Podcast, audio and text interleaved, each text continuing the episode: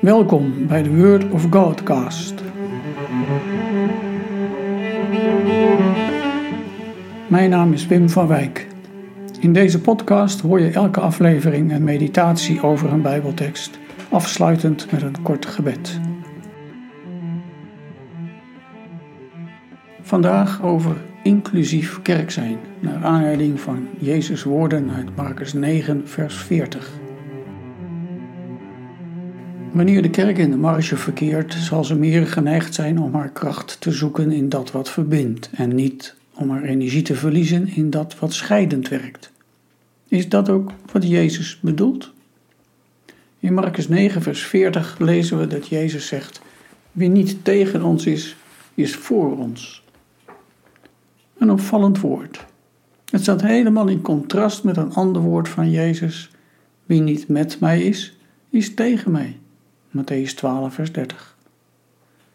Het moet ons in elk geval voorzichtig maken om Jezus' woorden te annexeren voor onze eigen acties. Laten we er maar geen slogans van maken of goedkope one-liners. Hoe kunnen we Jezus' woorden dan verstaan? Jezus zegt: Wie niet tegen ons is, is voor ons als reactie op wat Johannes zegt.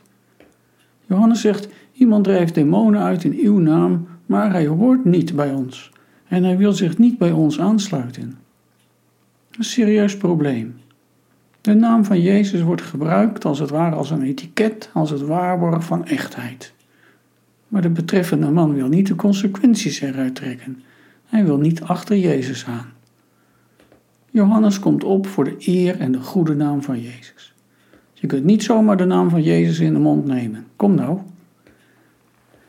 Heeft Jezus zelf ook niet gewaarschuwd tegen valse profeten?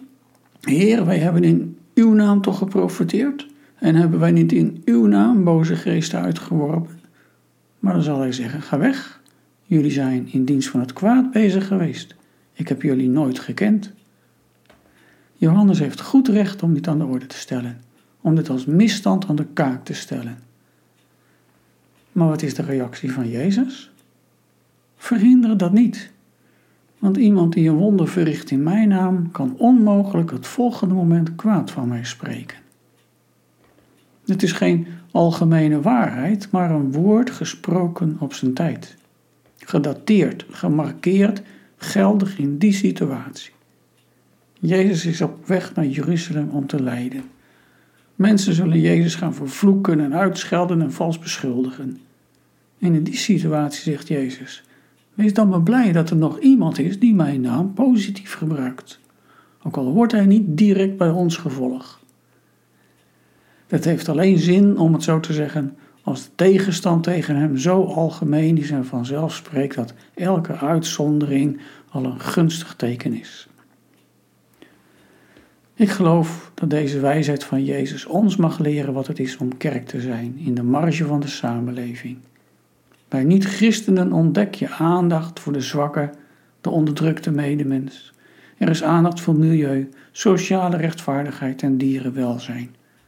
En het mag je waarderen, zelfs als de naam van Christus niet genoemd wordt. Mijn vraag aan jou is: hoe versta jij deze woorden van de Heiland?